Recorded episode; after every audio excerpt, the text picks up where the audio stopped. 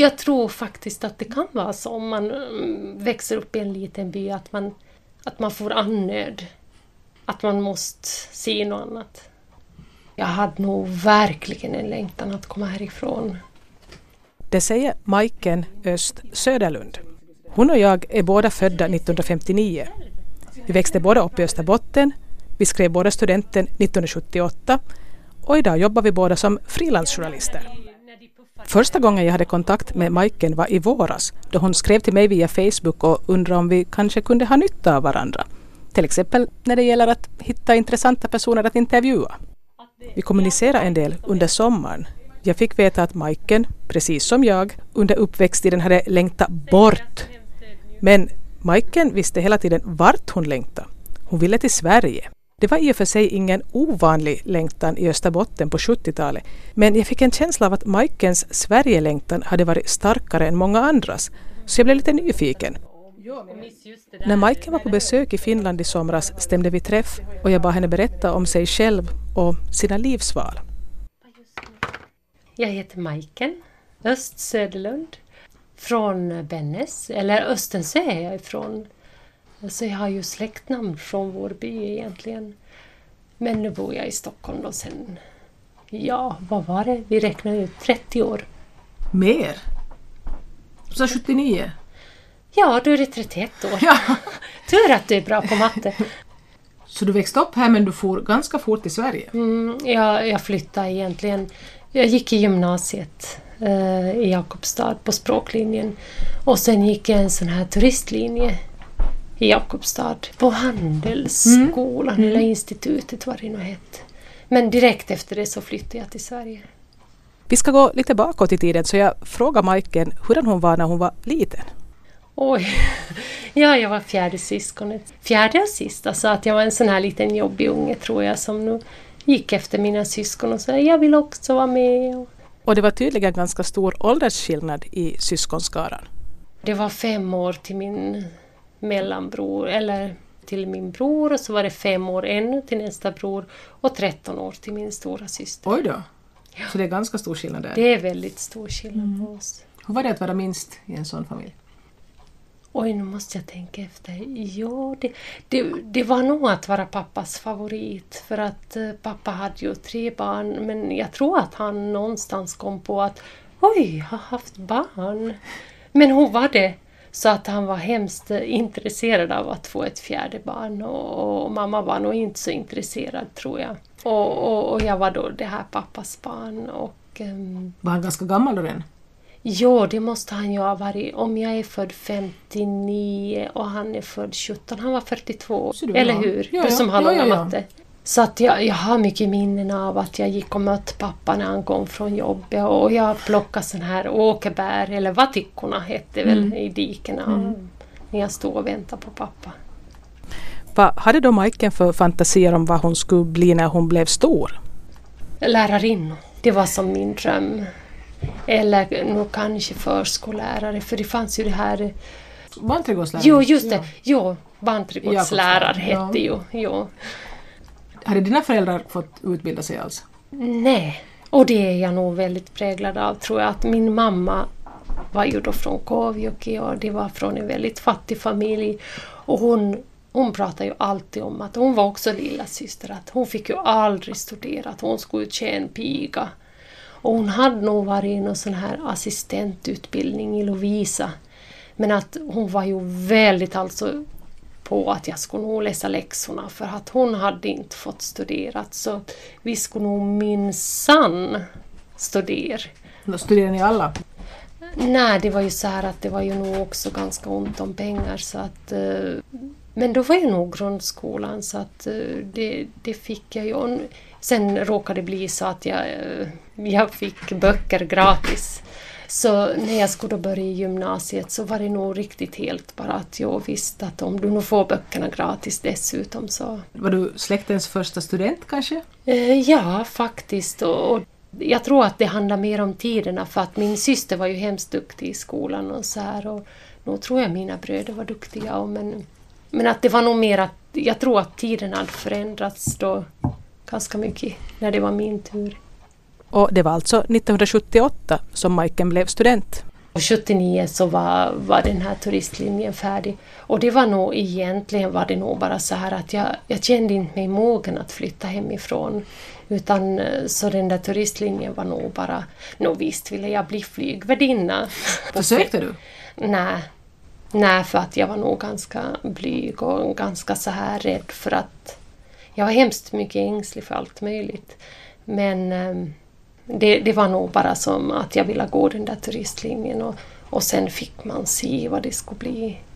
Så vitt jag minns så var det på 70-talet här i Österbotten på det sättet att när flickor gick ut gymnasiet så hade de oftare skaffat sig en någorlunda stadig pojkvän vilket ibland ledde till att flickor valde att studera nära hemknutarna istället för att åka längre bort. Nå, nå var det väl så att jag hade någon pojkvän men lusten att fara härifrån var nog hemskt mycket större än, än kärleken till någon pojkvän. Så du for? Jo, och så var jag nog väl inte så populär heller så att det var...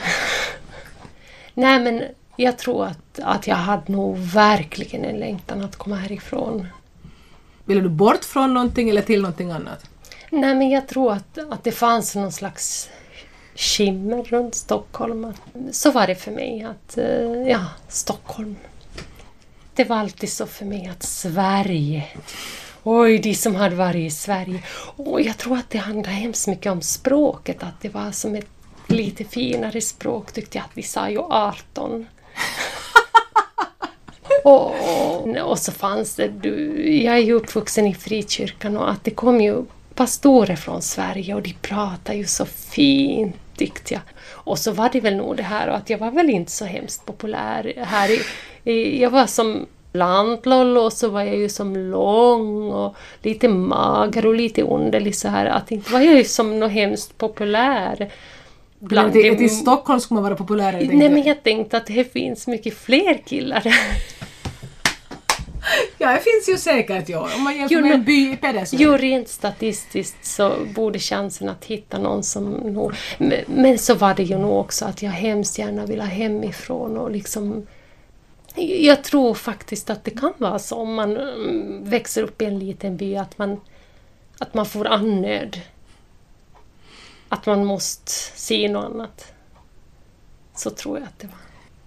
Majken nämnde att hon växte upp i frikyrkliga sammanhang. Jag ber henne berätta vad det innebar i praktiken. Det var ju nog hemskt strikt att hur man skulle vara och, och nu måste jag ju säga under den här tiden så hade jag ju hemskt mycket kristna kamrater. Att, att vi levde ju liksom i, i vår värld och, och för mig var det också viktigt att, att jag passade in i den här mallen. Och det handlar ju egentligen inte om tro, tror jag, utan kulturen, frikyrkokulturen på den tiden var ju så att, ja, att man dansade inte och man drack inte och man rökt förstås inte. Och, och, och så var man på ungdomssamlingar och så jag har ju en hemskt skyddad ungdom. Jag frågade Majken om hon också kände att hon ville bort från den här skyddade frikyrkoomgivningen.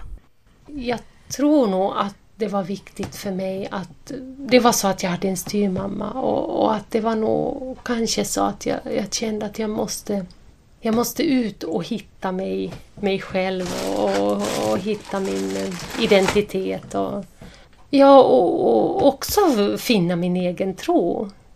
Så tror jag att det var. Majken nämnde att hon fick en styvmor. Så vad hände med hennes mamma? Min mamma dog när jag var nio och det var ju förstås var jättehemskt. Hon fick cancer. När man är barn så kan man inte heller man kan inte förstå att ens mamma ska dö. Det är ju ingenting som man... Mamma dör ju inte. Det är ju mormor och morfar och sånt som jo, dör. Jo, det, så är det ju. Och, och speciellt var det ju då att jo, men att vi ber till Gud för mamma så blir hon frisk. Får hon inte läkaren då? Ja, hon var ju förstås. Men jag tror att det tog ganska lång tid innan hon fick adekvat vård. Och det här är ju sånt som är så diffust. Dels tror jag att jag har glömt hemskt mycket. Ja, sen har det ju gått lång tid.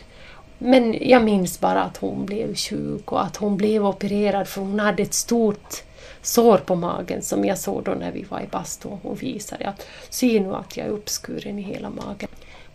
Min minnesbild är att hon blev sjuk efter julen och att hon dog i september. För jag minns så tydligt att, att hon sa en gång att, det var 21 januari så sa jag, men tänk om det skulle ha varit 21 december, det skulle nog ha varit roligt för då skulle ju julen vara framför. Så sa hon, nej, det skulle inte jag ha tyckt. Så sjuk som jag var då. Och då, då tänkte jag ju förstås att kan man vara så sjuk som man inte tycker det skulle vara roligt att ha jul? Men det var ju också att få en styvmor måste ju vara ganska konstigt det också. Liksom, Ja, det är jättekonstigt. Och jag tror nog att jag gjorde det bästa för att vara så besvärlig som möjligt. När hon kom då så sa jag, nå, inte kan du ju laga mat. Hur länge tog det förrän hon kom då? Det tog inte så lång tid. Alltså, jag hade precis fyllt nio när min mamma dog. Och jag fyllde väl... Jag skulle fylla elva. Min pappa var en, en stilig man faktiskt, tyckte nog jag. Det var ju pappa och jag. Vad skulle han behöva någon ny fru? Och så tog han en i alla fall. Ja, en sån där gammal skata. Det här var ju barnets tankar. I, som vuxen kan jag ju tänka att, att hon var som en kvinna som hade hittat sitt livs kärlek och så råkade han ha barn. Och hon gjorde verkligen så gott hon kunde. Men jag tyckte nog det var ganska onödigt att de skulle behöva sova där i, eget rum och sånt. Och barnet har ju sina egna behov först. Och ganska lite förståelse för omvärlden. Och du var yngst och dina äldre syskon Mm. hade förstås kanske... Jo, den- min bror hade ju redan gifta sig Ja. då och min syster var väl på gång att gifta sig tror jag. Och, så det var jag och min, min yngre bror som var hemma där och han var 15.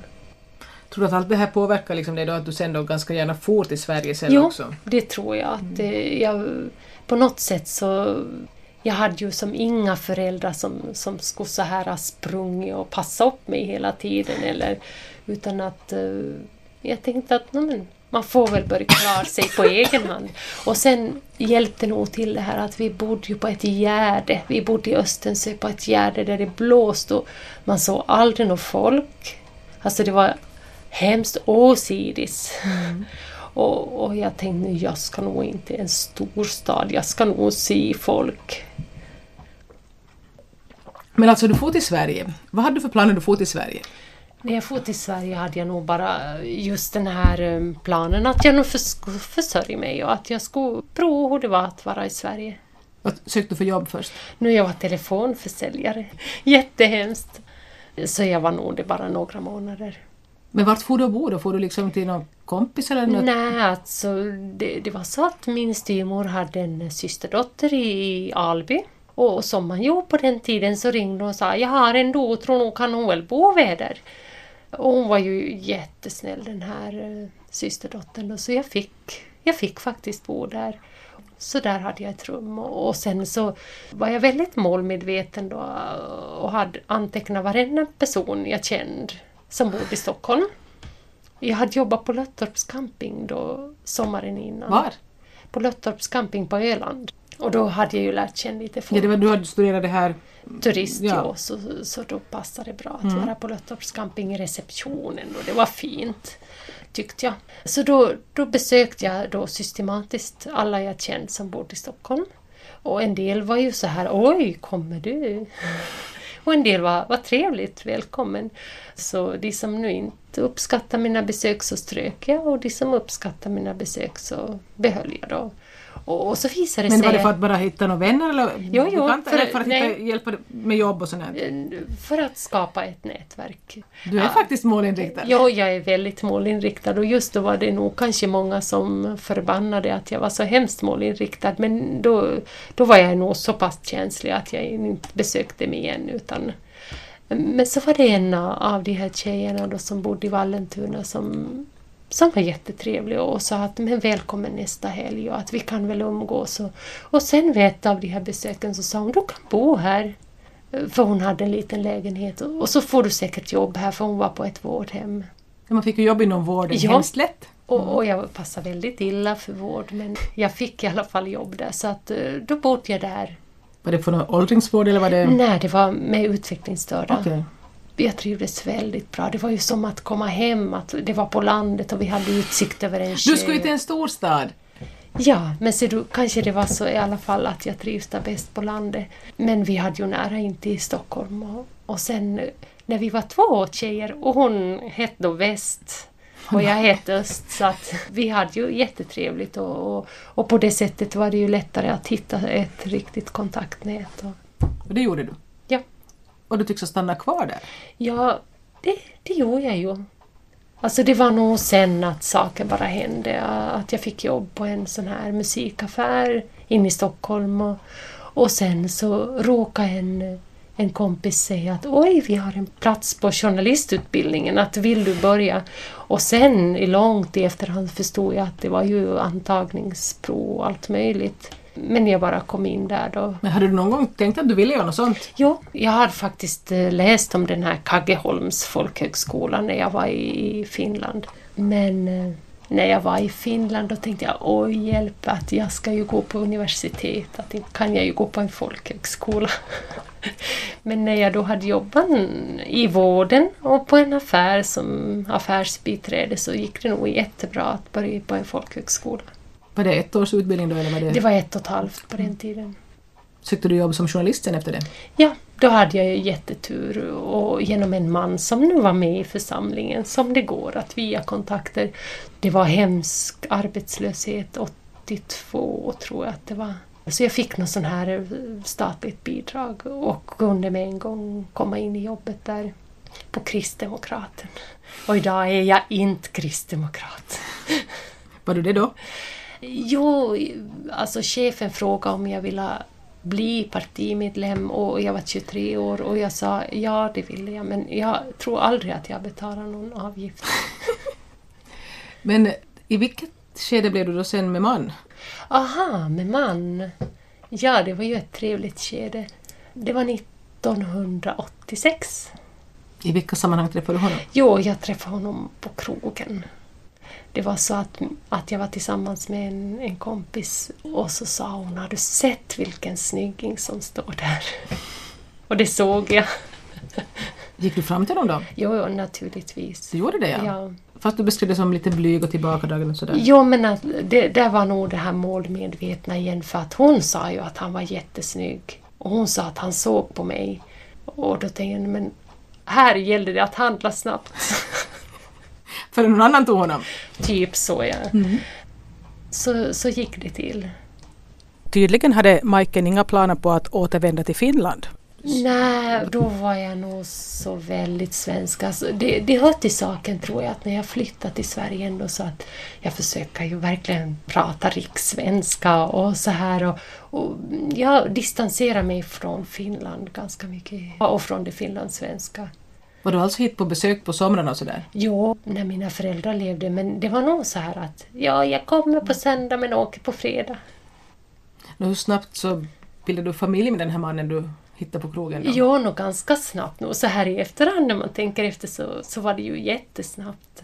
Talar vi om veckor eller månader? Nej, nej, nej, inte var det ju någon sån, utan nog var det ju år. Och vi träffades 86 och 89 gifte vi oss. Nåja, inte var det 89. nu så fruktansvärt snabbt. Det är inte. Ja, men om man tänker på hur långsam jag är i vanliga fall så var det snabbt. Men du var väl målmedveten? Ja, det var väl så. Och så köpte vi ett hus i Vallentuna där, vi, där jag nog har bott jättelänge nu. Och du fick hur många barn? Två barn. En flicka och en pojke, så här väldigt traditionellt. Men vi har ingen Volvo, ingen Vove. Hur gamla är barnen nu då? Nu är de 18 och 20 är min son, han fyller 21 på nyårsafton.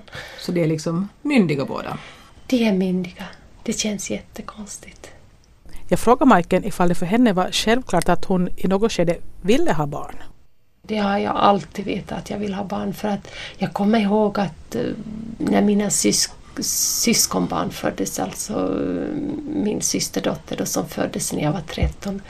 Oj, vilken händelse liksom. Och, och hon var ju så fantastiskt fin och, och sen kom ju min andra systerdotter, då hade ju redan två barn och, och de byggde hus och behövde lite hjälp så att oj vad jag Du var barnvakt liksom. och jo, jag älskar ju att gå omkring med det här barnet och sjunga för henne. Och, och det var nog faktiskt det roligaste jag visste, för jag ville ju ha små syskon.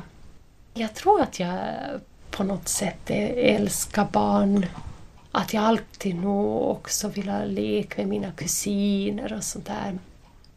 Jag vet inte vad det var med barn. Kanske var det att jag fick bestämma över dem. Fick kommendera och ha det? Ja, kanske var det mm. det. Eller just det här att, att vara lite duktig, att behövas för någon. Eller. Man kan ju försöka tycka att det var någon ädel tanke men inte vet jag om det var det. I något skede hade du gått någon högskoleutbildning där också? Ja. Vad var det som fick dig att göra det då? Jag tror att jag alltid haft en tanke på att jag ska ha en akademisk utbildning. För det var ju också på något sätt mammas. Och, och då tänkte jag nog aldrig på det men så här i efterhand har jag tänkt att nej, jag var väl tvungen att uppfylla mammas dröm. Jag började studera 86 tror jag, statsvetenskap på Stockholms universitet och kom där som lantlolla från Finland. Och, och kom Har du bott länge i Sverige redan? Nej, bara sex år. Men jag var nog typ lantlolla och jag, jag känner mig verkligen som från månen. Det var ju journalister och eh, jurister och sådana som var nog hemskt intellektuella och jag kände mig som wow. I alla fall så avbröt jag mina studier efter 15 poäng. Jag hade anmält mig till en kurs som ingen annan ville gå och då var det ju okej att sluta. För om man blir ensam på en kurs så anordnas den inte. Så fick jag en giltig orsak att hoppa av. Och så gick det mer än tio år. Men när min dotter var fyra år då, då fick jag en sån här riktig kris. För då hade jag, jag sparat min föräldraledighet och tog ut den då när hon var fyra. Men sen när jag gick tillbaka till mitt jobb så satt jag och grät och grät och grät. Och så, jag kan inte jobba här livet ut. Att, ja, det måste hända någonting. Då, då var jag journalist. Men var du som fastanställd någonstans? Ja, jag var fastanställd journalist. Ja. Men det var bara så här motbjudande att jag, jag måste ha någonting annat. Och så plötsligt bara så mötte jag en kvinna i skogen när jag var ute och promenerade som jag pratade med och så sa hon att jag läser ju statsvetenskap. Gör du? Ja, men då följer jag med dig till nästa lektion. Kunde du fortsätta då liksom med dina gamla ja. studier? Det hade inte föråldrats? Eller jo, naturligtvis mm. hade det föråldrats. Så att jag fick ju göra om. Med fem poäng fick jag tillgodoräkna mig. Okay. Men sen så började jag med henne och det var som min spark i baken då. Och sen bara förstod jag ju ingenting den här gången heller. Men då sa jag väl till mig själv att just do it. Och så pluggade jag och pluggade och pluggade och pluggade och pluggade. Och jag satt ju varje lördag, varje söndag, varje fredag kväll och jag fattade ingenting. Men samtidigt som du, som du hade små barn och samtidigt som du... Jobbade heltid, ja. Och du slutförde, du tog en examen? Japp.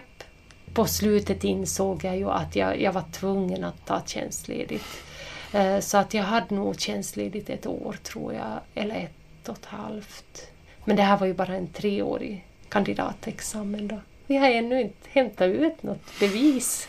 För att det var ju inte för omvärlden jag behöver bevis, utan det var för mig själv. Det var år 2001 som Majken Öst Söderlund tog sin examen. Efter det sa hon upp sig och blev frilansjournalist. Och hon skriver för bland annat tidningar som Allers, Må bra och den kristna dagstidningen Dagen. Är du nu frilans för att du själv valde att du vill jobba på det sättet, att det är sånt liv du vill leva eller var det för att det inte finns liksom jobb? Nej, det är för att jag har nog valt att jag vill vara frilans i början handlade det ju förstås om sådana här väldigt österbottniska regler att en mamma är hemma med sina barn. Och det kan man ju vara då när man, när man är frilans. När de var små så var det ju en väldig tillgång men idag är det ju en belastning att de skulle ju gärna se att mamma inte är hemma. Bor de hemma båda nu? Ja. I början av programmet nämnde Majken att hon ville bort från Österbotten delvis för att hitta sig själv och sin egen tro. Så jag frågade henne vad tron har för betydelse för henne idag när hon är 50 plus. Men idag är ju tron en tillgång.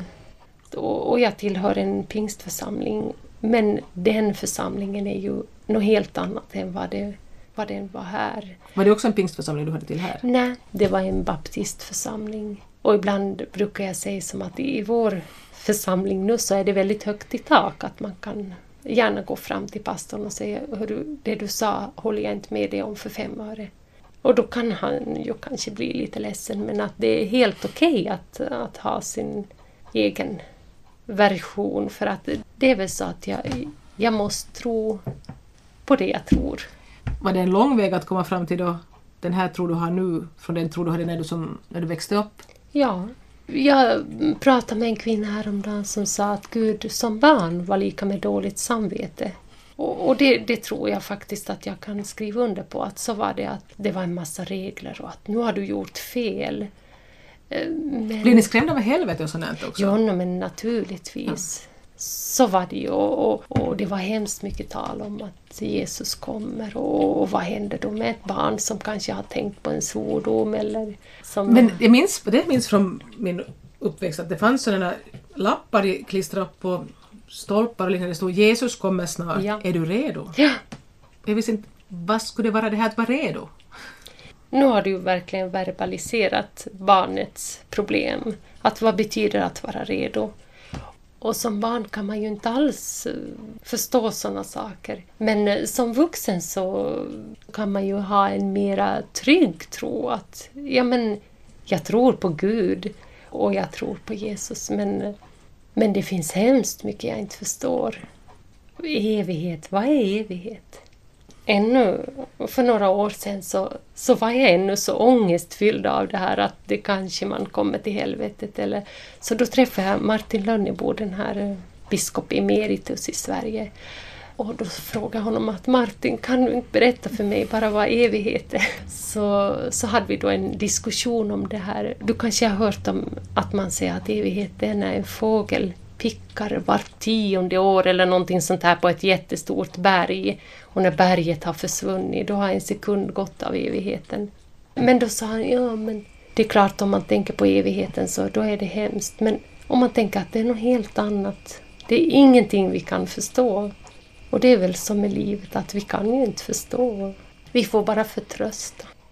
Och sen är jag ju väldigt befriad ifrån det här att eh, så här ska det vara och så här ska man vara. Och, utan att jag tänker nog så Gud har skapat oss allihopa och, och, och vi, vi duger som vi är.